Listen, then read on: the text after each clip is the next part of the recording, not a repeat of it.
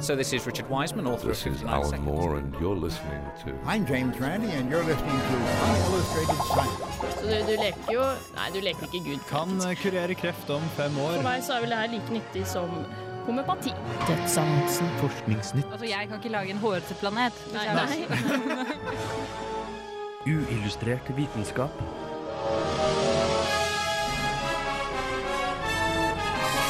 Science, works.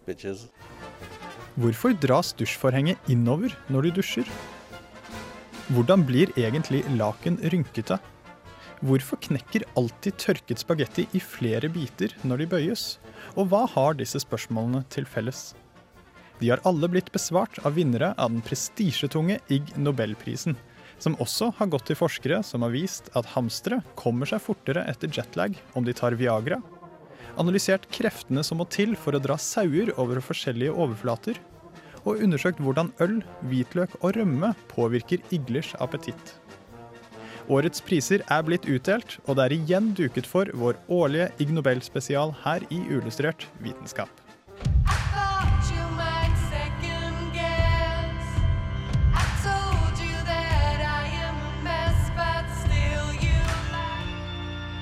Du lytter til Uillustrert vitenskaps tredje årlige Ig Nobel-spesial her på Radio Revolt. Mitt navn er Ole Eivind Sigrud, og med meg har jeg som alltid Sofia Sundquist. Ja, hallo, hallo.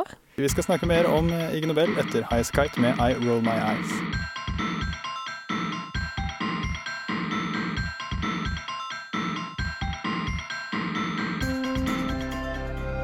Du lytter til Uillustrert vitenskap her på Radio Revolt, og vi har en Ig Nobel-spesial i dag. eh, Vår tredje årlige Ig Nobel-spesial. Eh, og du, eh, Sofia, hadde du eh, hørt om Ig Nobel eh, før vi bestemte oss for å ta denne spesialen? Nei. Aldri noensinne. Nei. For eh, til de lytterne som da ikke vet hva Ig Nobel er, så kan vi fortelle at det er en eh, slags parodi på Nobelprisen som blir gitt ut mm. hvert år ved Harvard. Eh, Før var det ved MIT, og holdt på hvert år siden 1991 som tradisjonsrik eh, pris. Det gir eh, priser til forskning som først får deg til å le, for så å få deg til å tenke. Eh, Hva, hva, hva syns du om prisen, egentlig? Jeg syns faktisk at det er et helt fantastisk pris. Det er veldig rolig når jeg leste om vinnarna och vad de då har forskat på verkligen. Men det är precis som du säger då, att först skrattar man och sen så får man säga hmm, ja, men det var intressant. For det har vært litt sånn varierende kvalitet på prisene over årene. Noen ganger har det vært litt mer fjasete og mindre forskningsrelatert, men i år så er det tilbake med noe jeg vil karakterisere som riktig gode priser til eh, litt ordentlig forskning, men som er forskning som er litt artig. Det er jo mange som har klagd på Ig Nobelprisene opp gjennom årene. Blant annet eh, var det en britisk eh, politiker som, klagde, eller som ville at de ikke skulle gi prisen til britiske forskere, fordi det ville latterliggjøre da nyttig, men litt rar forskning. Mens samtlige britiske forskere de gikk jo til motmæle og sa at nei, det her var bare gøy. Eh, og blant annet så var det en som trakk frem at det, det er jo også nyttig. Blant annet var det noen i 2006 som vant en pris eh, for eh, å finne ut at malariamygg var like tiltrukket til limburgerost som til menneskelige føtter. Noe som ikke nødvendigvis virker så veldig anvendelig, men eh, han mente jo at dette her var anvendelig, fordi det var noen som faktisk hadde tatt den forskningen eh, til bruk eh, til å lage myggfeller med den osten. Se der, se Så- da vet Det er resultater. Eh, vi skal jo da i denne spesialen ta for oss eh, absolutt alle av de ti vinnerne i år, og vi begynner med Ig Nobelprisen i fluiddynamikk. Ig Nobelprisvinnere 2012. Fluid dynamikk. Hver morgen ser vi slitne studenter og forelesere som forsøker å balansere en kaffekopp inn i auditoriet, og søler.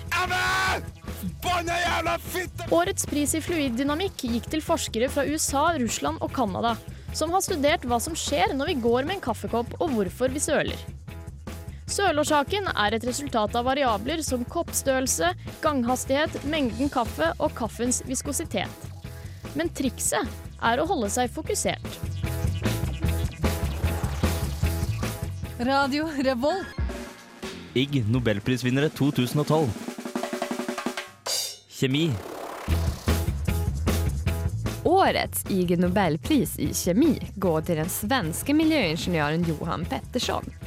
Han har undersøkt hvorfor vissa av personene i det lilla samhället Anderslöv fikk sitt hår grønt efter å ha tatt en dusch. Försöken visade att det fanns förhöjda halter koppar i rören och när varmvattnet hade stått stilla över natten så blev koncentrationen extra hög. Detta ledde till att de morgonpigga personerna som var först in i duschen även kom ut med en ny hårfärg. Ja, vi gratulerer Sverige med en Ig Nobelpris i kjemi. Takk. Tar åt meg. Eh, va- var dette en stor sak i Sverige at folk fikk eh, grønt hår? Ja, i alle fall i Trelleborgs Allehanda då.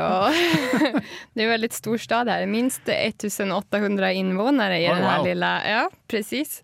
Och om jag inte minns fel så var det tre personer, tre blonda personer som fick grönt hår då. Og Ikke mer enn tre? Nei, men om du tenker tre av 1800, det er en ganske Ja, det- stor andel. Ja, Det er jo faktisk ganske bra. Ja. Men uh, har man noen råd til personer som opplever dette? Fordi det kan jo hende det skjer her òg. Ja, sluta dusje.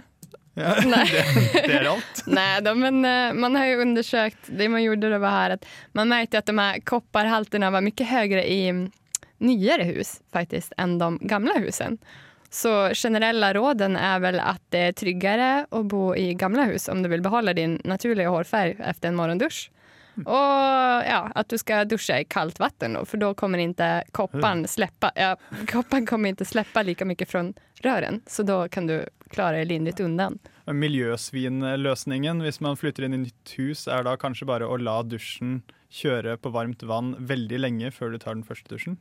Ja, Kanskje? det, ja, det, Noen dager? det, det spørs jo da hur, hur länge man måste inne på. Nei, men det, det har de ju också tips om, att spola vattnet innan. Men at du kan få spola ganske lenge, for att det har tydligen vært ganske høye nivåer av koppar. Men eh, hvordan var det de fant ut av eh, hva som var årsaken til denne hårfargingen? Ja, alltså först blev det ju känt för tidningarna att, eh, att de här personerna hade fått färgat hår. Och eh, det nådde ju då till kommunledningen, till miljöförvaltningen som skickade ut en liten trupp och tar reda på vad beror det på att de här blonda personerna får grönt hår. Så då tog man då tester i deras hus, i, bland annat i, i ledningarna eller i vattnet, och dricksvattnet. Och jämförde med några av husen där de inte hade fått färgat hår. Eh, da fant man ut at det var mye høyere halter av kopper i damhusene. husen. Men det rekker ikke det var, räcker inte med at man gjør det på dagen bare, utan det var når det hadde legat under nettene, Så at det har hunnet lagres av eller liksom lossnat riktig mye om man skoler på morgonen. Det var da det var høye nivåer. Så et annet tips er å alltid dusje på kvelden. Ja, men nu hoppas vi att många lyssnare här som har haft det här problemet lyssnar på oss och duschar på kvällen istället för morgon. Ja. Kan hjelpe. De to eh, siste årene vi har hatt sånn Ig Nobel-spesial, så har vi jo nevnt en god del norske vinnere. Det var bl.a. en eh, nordmann som vant eh, pris i psykologi i fjor eh, for sin forskning på sukket.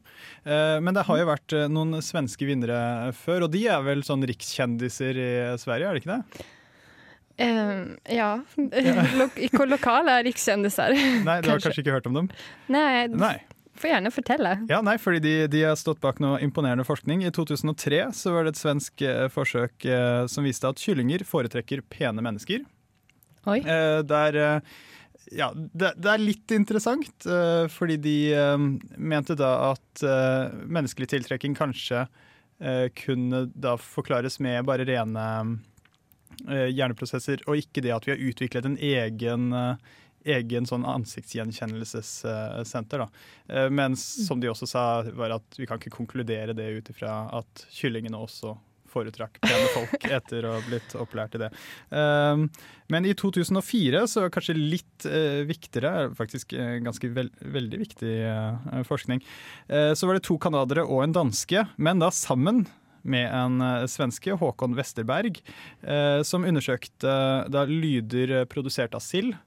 Eh, Fordi de slipper ut vann gjennom analåpningen. Det kommer enten fra eh, fordøyelsessystemet eller den eh, lille sånn flyteblæren de, har. Eh, og det lager da en liten lyd. Og dette kan hende brukes til kommunikasjon. Altså de fjerter til hverandre. Eh, men eh, ellers så er det i hvert fall interessant, fordi de lager den lyden, og det er det ikke så mange andre som gjør. Eh, og dette høres også veldig trivielt ut, men man kan knytte opp til den såkalte Whisky on the Rocks-grunnstøtingen i 1981, der en sovjetisk ubåt gikk på grunn i Sør-Sverige og skapte masse oppstyr. Eh, Sveriges marine satte i gang en stor kampanje for å beskytte svenske farvann eh, eh, fra en sovjetisk infiltrasjon. Sovjet benektet jo at de hadde en infiltrasjon på gang. De sa at det var en navigasjonsfeil. Og dette, denne kampanjen holdt på i sånn ti år. Og Det viktigste beviset de eh, hadde for denne infiltreringen, eh, var da lydopptak av mystiske lyder som de sa dette må være ubåter, fordi vi skjønner ikke hva annet det kan være. Så var det noen marinbiologer på 90-tallet som eh, fikk undersøke disse filen, filen, lydopptakene, og sa jo at men det her er sildefjert. Eh, enkelt og greit. Eh, og eh, Vitenskapens Verd i april i år fremstilte faktisk disse funnene som avgjørende for å få slutt på denne ubåtjakten, som holdt på i over ti år og kostet hundrevis av millioner kroner. Riktignok svenske kroner, men det er fortsatt ganske mye penger. Så det, ingen kan si at Ig Nobel-vinnerne ikke er godt for noe. Nei, der har vi beviset det nå, då. Ja. Vi kjører videre med Ig Nobel-vinneren i år for akustikk. Ig Nobelprisvinnere 2012. Akustikk. Akustikkprisen gikk i år til to japanske forskere du har hørt om før i Illustrert vitenskap. Kasutaka Kurihara og Koji Tukada har utvikla en speech jammer, et redskap som kan forstyrre talen til personen man sikter dem på. Dette gjør den ved å repetere det offeret sier med en delay på 100 millisekunder. Offeret skal dermed bli så satt ut at den slutter å snakke. Praktisk for kjedelige og uinteressante taler. Mens han selv mener det er veldig ansvarlig å investere 14 milliarder kroner, i vindmøller. Det er litt, rart.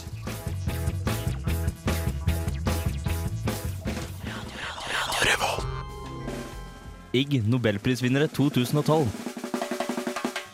Nevrovitenskap. Årets Ig Nobel i nevrovitenskap gikk til Craig Bennett, Abigail Baird, Michael Miller og George Wilford for å ha demonstrert at hjerneforskere kan, ved hjelp av avanserte instrumenter og enkel statistikk, observere interessant hjerneaktivitet hvor som helst. Det er et kjent problem innen statistikk at når man tester flere hypoteser på ett sett med data, øker sjansen for å gjøre én eller flere falske oppdagelser. Det finnes heldigvis flere løsninger på dette problemet, og det var nødvendigheten av disse forskerne ønsket å understreke med deres prisvinnende FMRI-studie. En enkel atlantisk laks deltok i studien. Laksen var rundt 45 cm lang, veide rundt 1,7 kg og var død da den ble lagt i FMRI-skanneren. Laksen ble så bedt om å fullføre en åpen mentaliseringsoppgave, der den ble vist en rekke fotografier av personer i forskjellige sosiale situasjoner med bestemte tilknyttede følelser. Laksen ble bedt om å avgjøre hvilken følelse personen på bildet må ha opplevd. Dataene fra FMRI-en ble analysert for å finne hjerneregioner med signifikant aktivitet under oppgaven, og flere aktive områder ble observert. Men da identiske analyser ble utført med forskjellige feilkorrigeringsmetoder, viste det seg dessverre at det ikke var noen hjerneaktivitet til stede likevel. Det var dessverre ikke noe zombie-laks uh, der, men uh, artig eksempel uh, om litt sånn statistiske metoder. Da. Ja, jeg måste fråga, var, var det veldig avgjørende lengden på laksen her? Nei, men jeg følte at vi måtte jo la lytteren bli litt sånn kjent med denne forsøkspersonen, eller forsøkslaksen. Poeng. Ja. Mm. Hopp. Men uh, hva, hva, kan vi, ja, altså, hva kan vi anvende denne kunnskapen til, da? Nei, uh, det er jo egentlig velkjent da, for uh, alle som har lest statistikk, at når man gjør slike tester, så kan man fort, fort begå da, type 1-feil, som er at du finner et resultat som da ikke fins. Så det er jo velkjent, men folk gjør jo fortsatt de feilene. Og det fins statistiske metoder som er bygget inn i denne softwaren som de bruker, eh, som lett kan fjerne disse feilene. Eh, Så dette er jo egentlig bare et veldig godt eksempel eh, for å understreke viktigheten av å bruke de metodene. Mm. Jeg Jag tycker när man har det her, så låter det ganske absurd at man får hjerneaktivitet på en død laks. Absolutt. Uh, og det, det var det jo ikke. Men uh, når du gjør eh, tester såpass mye mange ganger, så, så finner du ting. Mm. Uh, og eh, hvis man da eh, plukker ut det resultatet som noe gyldig, så ender du opp med en feil. Men eh, kan det här resultera lite i at alle mennesker nu börjar tänka ja men om de då kan vise hjärnaktivitet på en lax, hur skal jeg vite da at mine resultat var riktige resultat som jeg fikk av denne undersøkningen? Ja, det, det er jo fort å hoppe til den konklusjonen, men det er jo ikke slik at all nevrovitenskap eh, bare er eh, tull. For, nettopp fordi det går jo an å drive dette eh, på gode, kontrollerte måter ved å bruke de riktige statistiske eh, redskapene. Da. Eh, og jeg trenger bare ett eksempel som er gjort innen den type hjerneforskning som eh, understreker eh, hva det, hva det er mulighet til å vise. Da. Eh, Så undersøkte de eh, folk, eh, skannet hjernen deres eh, mens de eh, lærte seg forskjellige ting. Og da kun ved å se på eh, hvilken aktivitet det var i hjernen, så kunne de da predikere hvorvidt de ville huske det de hadde lært noen dager senere.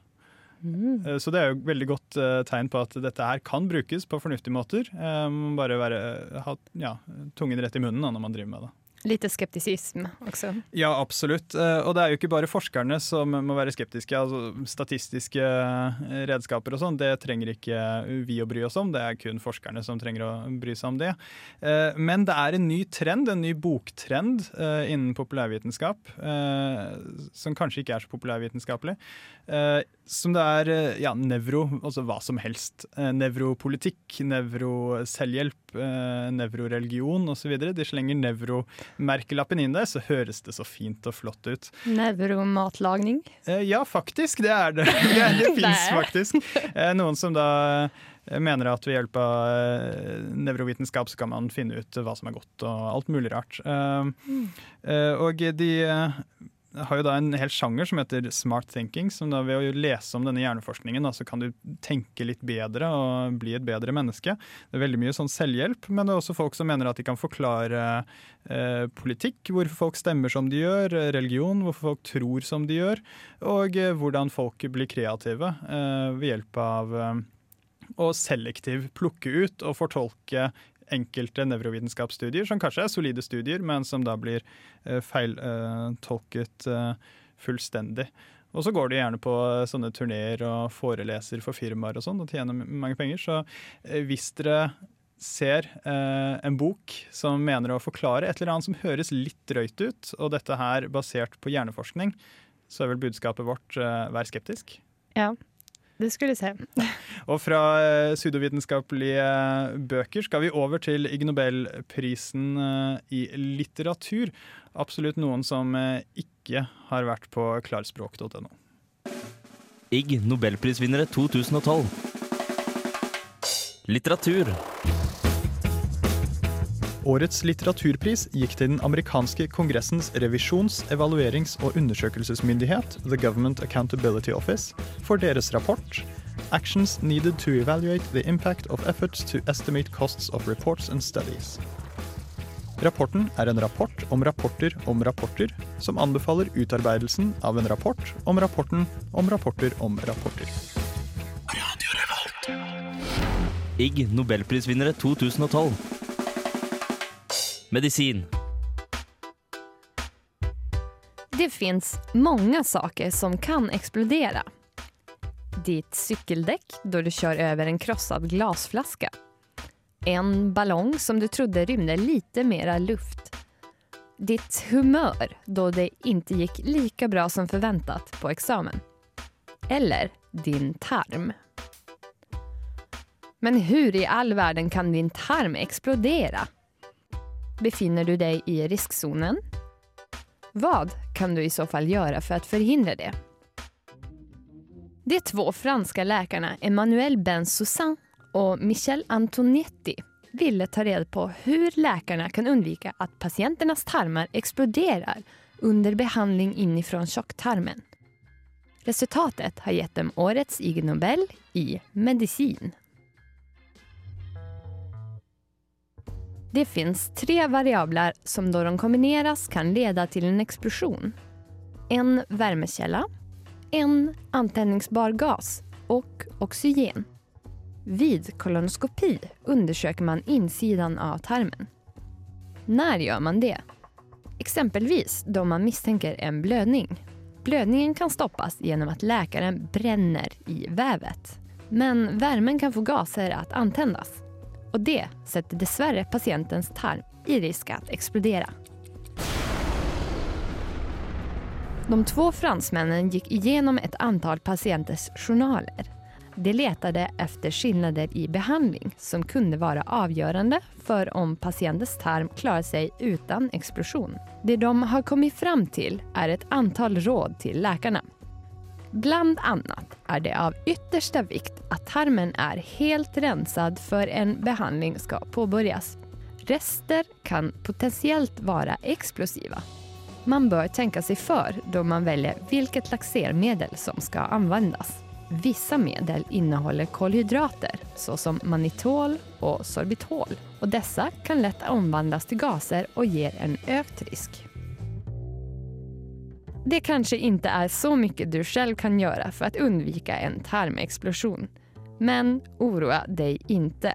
Det är idag i nästan alla fall fullkomligt riskfritt att få sin tarm ompysslad. Och om du rent generellt vill minska på halten av gaser i magen, ät färre bönor. Ja, eh, Som om kolonoskopi ikke er skummelt nok fra før, så må vi nå bekymre oss for eh, eksploderende endetarmer. Eh, Du sier at dette er ufarlig, men hvor utbredt er dette? Nei, det er jo lugn alla lyssnare. Det er ikke så farlig som det kan virke. Det er veldig få fall da det her hender. Og en eksplosjon er jo egentlig egentligen, visst det er en eksplosjon, men hele tarmen kommer jo ikke til å smelle sønder, utan det kanskje blir små perforasjoner. Det er ikke liksom noe sånn Monty Python-scene her. Nei, det er veldig nei. Men det leder jo til at du da må operere, så det, kan jo, det her kan være en farlig situation. Men eh, ja. Du sa også at uh, karbohydrater gjøres om til gass. Så er det farlig å drikke brus, da? Eller uh, Ja, det var det budskapet jeg ville komme frem til, Ja. Nej, Men eh, tarmkanalen är ju fylld av bakterier. Vi har ju bakterier i hela kroppen, på huden, i mage, tarm. Och de bakterierna, när du då äter karbohydrater och de inte tas upp så blir chans för bakterierna att äta upp dem istället. Och då omvandlas de till gaser och det är då när de blir gaser då kan de reagera då med eh, hettan från sådana instrument som du använder om du behöver ja, göra in, ingrepp i tarmen. Eh, Ja, og Hvis man da skal inn til eh, kolonoskopi nå på norske sykehus, får man, eh, får man noen råd for å unngå dette? Eller de nevner kanskje ikke at det er en bitte liten sjanse for det, men får man noen råd som da egentlig er for å minske sjansen for dette? Ja, altså kost, du får jo visse kostråd og hvordan du skal spise dagene innan. Och eh, det man hadde kommet frem i denne undersøkelsen, er jo at det er veldig viktig at tarmen er helt rensad. Och då ska du bland annat hålla dig borta från grönsaker och mörkt bröd och allt annat sånt där som vi ser som, som, vi ser som nyttigt i vanliga fall. För det innehåller mycket fibrer.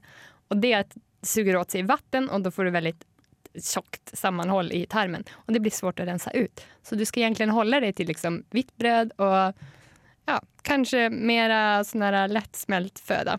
Och yoghurt och lite rinnande saker. Eh, Illustrert topptipp der for eh, deg som skal gjennomgå uh, kolonoskopi. Uh, til slutt, Har du lært noe om eksploderende endetarmer på medisinstudiet? Er det pensum? Nei, jeg har ikke kommet dit ennå. Men jeg jag blir sikkert väl informert om det her senere i kommende år. Kanskje. Litt oppi samme gate så har du også tatt for deg Ig Nobelprisen i anatomi. Yes. La oss høre det nå. Ig Nobelprisvinnere 2012. Anatomi. Genom att få titta på fotografier av de andras bakdelar kan en schimpans faktiskt identifiera andra schimpanser. Detta har amerikanska Jennifer Pokorny och nederländaren Frans de Waal kommit fram till genom sina försök. För detta har de tilldelats årets IG Nobel i anatomi. Du hører på Radio Revolt, studentradioen i Trondheim. Ig Nobelprisvinnere 2012. Psykologi. Forskere fra Erasmus-universitetet i Rotterdam fikk årets psykologipris for deres studie som viste at Eiffeltårnet virker mindre om man lener seg til venstre. Ja, hjernen vår er merkelig. Eiffeltårnet virker lavere hvis man lener seg til venstre. Mm. Det var intressant. Hur, ja, Hvorfor gjør det det? Ja, nei, dette har med den godt dokumenterte mentaltallinjeteorien å gjøre. Eh, hvis man eh, spør folk om å forestille seg tall, så ser de for seg en linje der det er lave tall til venstre og høye tall til høyre. Så var det disse forskerne da, de eh, dannet da en hypotese om at eh, kanskje i og med at dette stemmer, eh, i hvert fall her i Vesten, eh, så kan det hende at folk anslår at ting er litt lavere hvis de lener seg til venstre, litt høyere når de lener seg til høyre. Eh, Så de bestemte seg for å teste det. Det låter jo veldig logisk, egentlig. Ja, Ja. Hur men har, men de var fra Rott. Hur, hur har man testa det her? Nei, eh, der er er jo en fryktelig nerdete og elegant eh, løsning. Eh, De tok en haug med forsøkspersoner, og så plasserte de dem på sånne Nintendo Wii treningsbrett, balansebrett, eh, som de da kunne fint måle om de sto litt til venstre eller litt til høyre på. Eh, og så manipulerte de deltakerne eh, til å enten stå den ene eller den andre måten, eller rett opp. Eh, og dette da helt uten at deltakerne var klar over at de sto enten til venstre eller til høyre. Det, det var veldig viktig. Eh, og så stilte de da en del eh, spørsmål. Alt var sånn estimeringsspørsmål om hvor høyt er det, hvor langt er det, osv. Og, og stilte da noen spørsmål da de sto eh, litt til venstre, noen da de sto litt til høyre, og så noen da de sto rett opp. Og resultatene de var signifikante som bare det. Ting var Ja, Eiffeltårnet var tolv meter lavere da de sto til venstre enn da de sto rett opp. Det er veldig stor skillnad. Eh, Det er faktisk det. Ja, men ja, det är svårt å forstå hvordan um, det skulle kunne påvirke hvordan vi estimerer størrelsen. Ja, ikke sant. Eh, Men hjernen vår er jo fryktelig rar. eh, Men vi har egentlig ikke noen sånn forklaring på nøyaktig hvorfor det er slik. Men forskernes forklaring var at når vi driver og estimerer vekt og lengder og høyder osv., så, videre, så henter vi frem minner til tidligere opplevelser, tidligere erfaring. Eh, Og eh, ved å lene seg da til venstre, så vil lave tall være, eller hukommelser med lave tall være lettere tilgjengelig. Hvis man lener seg til høyre, så vil de store lengdene osv. være lettere tilgjengelig. Det virker jo akkurat like rart, da. Eh, Så Ja. man får jo ikke noe mer forståelse for det, men det, det er da deres forslag på en forklaring. Men nøyaktig hvorfor hjernen oppfører seg så tullete som den gjør, det, det vet vi ikke. Men da då blir den logiske följdfrågan, Ble det samme resultat når man lenet seg til høyre òg? Nei, og er, det er jo det fryktelig interessante, fordi resultatene da forsøkspersonene lente seg litt til høyre, var statistisk sett helt likt som da de sto rett opp. Huh. Eh, og eh, dette her var jo egentlig litt snodig, men eh, forskerne har jo selvsagt en forklaring på det også. Og det er at alle forsøkspersonene var høyrehendte. Ja, Og det forklarer jo alt, gjør det ikke det? utveckla den. Nei, fordi tidligere funn har vist at eh, høyrehendte personer, når de blir bedt om å stå rett opp og ned, så har de en bias til å stå litt mot høyre. Eh, og venstrehendte, når de blir bedt om å stå rett opp og ned, så lener de seg litt til venstre.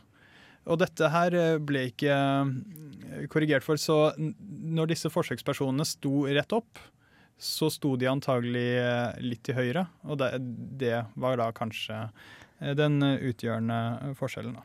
Men det kollade man ikke når man gjorde det her testet? Eller man såg efter, man spu- spurte personene om de var höger och De, de eh, visste at alle var høyrehendte, eh, men de testet ikke dette på venstrehendte. Da vil de kanskje se det motsatte. Ja. Kanskje? Så ni som lytter nå, om ni vil ha en forskningsoppgave eller Ja. gjøre Mm, Dette er ypperlig mastergrad, Matt. precis, Her har ni virkelig noe å gå på. Ja. Kanskje vinne en IG Nobel. På oppfølgeren. Absolutt. Eh, hvis dere velger å undersøke venstrehendt og hvordan eh, de opplever verden når de lener seg til høyre, eh, så må du da selvsagt kontakte oss. Eh, så må vi få deg hit på luften. Mm. Det syns jeg. Da skal vi gjøre et skikkelig reportasje med live i studioen her. da. Definitivt. Dette her er, eh, dette er viktig forskning. Dette må vi finne ut av. Ja. Men uh, dette er jo bare nok et eksempel på uh, at eh, hjernen vår er lagd sånn at den funker ganske godt. Uh, vi har klart å formere oss og overleve, det er jo det viktigste. Mens å oppleve virkeligheten akkurat slik den er, det har ikke vært så veldig viktig. Så man må alltid være litt sånn på pass da når man skal ut ja, fortelle hvordan verden står til, så må man ikke bare basere det på egne erfaringer. Da. Mm. Men jeg har også da tatt en titt på årets fredspris, som gikk til en gjeng med russere. IG Nobelprisvinnere 2012. Fred. Det russiske selskapet SKN mottok fredsprisen for å gjøre om gammel russisk ammunisjon til nanodiamanter. Diamantene er kun 4-100 nanometer i størrelse, men har en rekke fredelige bruksområder. Radio Revolt. IG Nobelprisvinnere 2012. Ig Nobels fysikkpris ble delt ut til to forskningsprosjekter som begge hadde hårsveisen hestehale som tema. Det ene studiet var på hestehalens form, mens det andre gikk ut på hestehalens bevegelse. En joggers hestehale svinger som kjent fra side til side, selv om ikke joggerens hode gjør det. Det går jo opp og ned. Joseph Keller har vist at den vertikale bevegelsen hestehalen får fra festet, blir ustabil ved forstyrrelser fra siden. Om man ser på hestehalen som en pendel som er festa til noe med en vertikal bevegelse, vil da pendelens amplityde og vinkelforskyvninger stemme overens med Hills ligning. Denne ligningens løsninger vokser eksponentielt i tid når den naturlige frekvensen til pendelen er nær et heltalls multiplum av halve oscillasjonsfrekvensen av festet. Da blir den vertikale bevegelsen ustabil, og hestehalen begynner å svaie.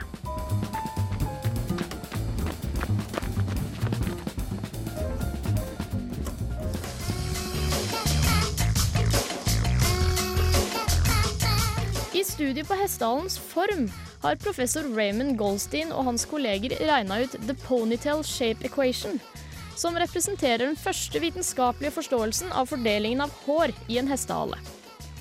Ligningen inkluderer variabler som hårets stivhet, effekten av tyngdekraften og tilstedeværelsen av krøller eller bølger. Sammen med en ny matematisk mengde kjent som Rapunzel-tallet, sier forskerne at ligningen kan forutsi formen på hvilken som helst hestehale, og bedre forståelsen av materialer satt sammen av tilfeldige fibre.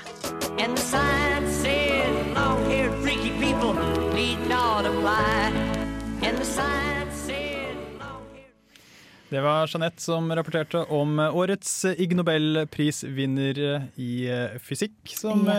hadde forsket på hår. Ja, jag tycker ju det här är ett ypperligt exempel på just vad den här prisen står för. att man eh, ja, först säger, frågar sig själv vad är det här för forskning och sen, fast det var ganska intressant Det er jo ganske interessant. Ja, och att någon får för sig den idén. Och, ja, jag blir mer intresserad av personerna, vad de tänker, hur, de kommer på det här forskningsprojektet. Ja, og begge var jo eh, aldrende nokså tynthårede fysikere, eh, så det er litt eh, merkelig. Men dette her var da personer som i flere år hadde undret seg om hva fysikken bak hårbevegelse var. Ja. Og det er jo kanskje ikke så rart da, hvis man ser verden som en fysiker. Så de, prøver de å forklare ting ut fra veldig enkle eh, elementer og gjenstander. Eh, og hår er jo et fryktelig komplekst fysisk system. Eh, det består jo av hundretusenvis av hår. Mm. Og da er det jo antagelig fryktelig interessant for en fysiker å se om man kan regne ut hvordan hele dette komplekse systemet vil oppføre seg ut ifra en enkel, et enkelt element, nemlig ett hårstrå. Og det Mm. klarte jo. Eh, De fant jo da ut at de viktigste egenskapene til hårstråene eh, var eh, elastisitet, tetthet og krøllethet. Og da ved en enkel formel som da tok inn dette her, eh, så kom de opp med et såkalt Rapunzel-tall, som jo er oppkalt etter denne eventyrskikkelsen Rapunzel, eh, med det lange, fine røde håret. Eh, og ut ifra det tallet så kunne de da forutsi hvordan hestehalen vil falle. Jag undrar ju då om det svänger olika för de som har lockigt hår och de som har helt rakt hår. Och om du kan beskrive olika svängningsrörelser då. Ja, jeg kan jo ikke det, men eh, de kunne det. de, de fant jo ut av det. De eh, så jo da også på bevegelsen for f.eks. joggere eh, med en hestehale. Hvordan håret, hvorfor det går fra side til side og ikke opp og ned. Blant annet sjekket de En ting var at hodet var i veien for å gå opp og ned, men det var også det at det var et ustabilt system. Og nyttig er det også kanskje, i hvert fall interessant, men kanskje også litt nyttig, fordi det gir oss litt info om andre materialer som tau og sånn, som er bygget opp uh, som eh, hår. Mm. Uh, og så vil det jo være til stor hjelp for eh, 3D-animatører som alltid har slitt med å lage 3D-hår, selv om noen har kommet veldig Ikke langt på vei. Men eh, nå begynner vi dessverre å gå tom eh, for tid eh, i denne Ig Nobel-spesialen, tredje i rekken. Vi er tilbake med en Ig Nobel-spesial om et år cirka. Men vi er jo tilbake neste uke også. Ja. Da skal et av temaene være supermat, eh, fordi vi fikk en forespørsel av en eh, lytter på Facebook-siden vår. Og det vil jeg gjerne ha flere av, så det er bare å kommentere på Facebook eller på radiorevolt.no på vår side. Absolutt. og Vi kan også kontaktes på Twitter. Vi, vi dekker det som er interessant, hvis dere vil at vi skal dekke det. Så vi får egentlig bare takke for eh, oss. Mitt navn er Oleivind Sigrud. Med meg har jeg som alltid hatt eh, Sofia Sundquist. Ja. Og tekniker er Rune Stana. Takk for oss. Takk skal du ha.